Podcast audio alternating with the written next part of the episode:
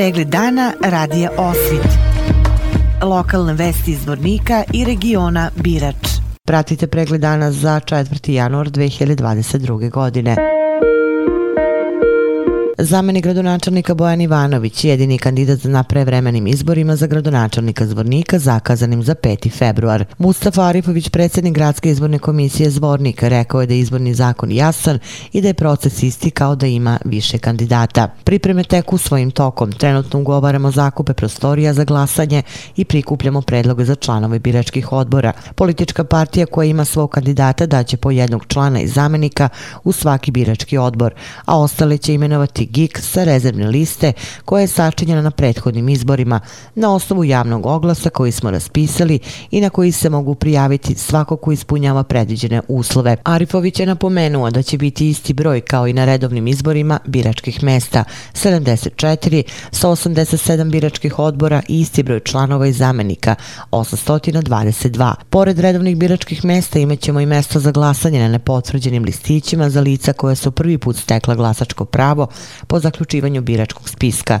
i lica koja su registrovana da glasaju putem pošte, a na dan izbora se zateknu u zvorniku. Sve troškove prevremenih izbora snosi grad Zvornik koji je centralnoj izbornoj komisiji već uplatio iznos za štampanje glasačkih listića koji su oni dostavili da se uplati. Do prevremenih izbora je došlo jer je Zoran Stevanović nakon 15 godina i 8 meseci na funkciji gradonačelnika Zvornika prihvatio mandat poslanika u Narodnoj skupštini Republike Srpske, koji je osvojio na oktobar oktobarskim opštim izborima. Od 15. novembra grad vodi zamene gradonačelnika Bojan Ivanović.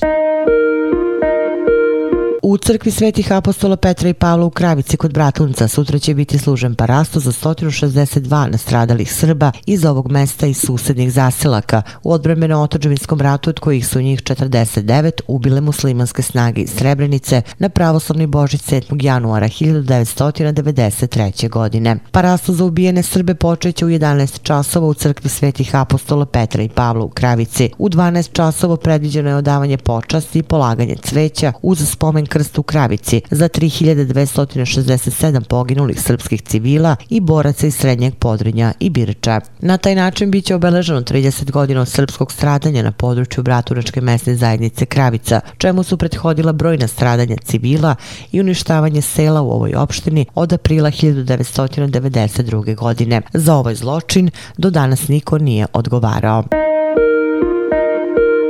Gradska uprava Zvornik umjesto organizovanog novogodišnjeg dočeka odlučila je da novac usmeri za socijalno ugrožene kategorije stanovništva. Gradska uprava grada Zvornika obezbedila je pomoć u iznosima od 50 i stotinu konvertibilnih maraka za oko 300 korisnika iz kategorije socijalno ugroženog stanovništva, a ukupan je za ovu namenu je 23.000 konvertibilnih maraka. Na spisku za novčanu pomoć su socijalno ugrožena lica koja su na evidenciji Centra za socijalni rad, pripadnici boračkih kategorija kategorija koji teško žive invalidi rata i ratni vojni invalidi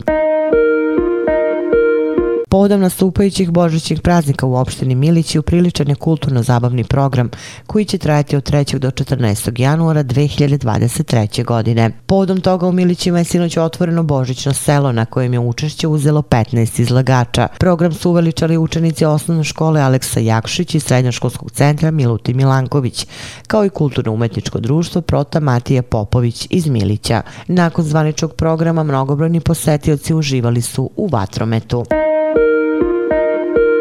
Vesti iz Loznice. Više od 3000 gostitelja iz Srbije u periodu od 20. do 31. decembra prijavilo se za učešće o realizaciji šeme, dodali vouchera za subvencionisano korišćenje usluge smeštaja u gostiteljskim objektima, a danas je počela prijava građana za dobijanje vouchera. Opširni na sajtu lozničkenovosti.com. Pratili ste pregled dana za 4. januar 2022. godine. Hvala na pažnji. Pregled dana radija Osvit. Lokalne vesti iz Vornika i regiona Birač.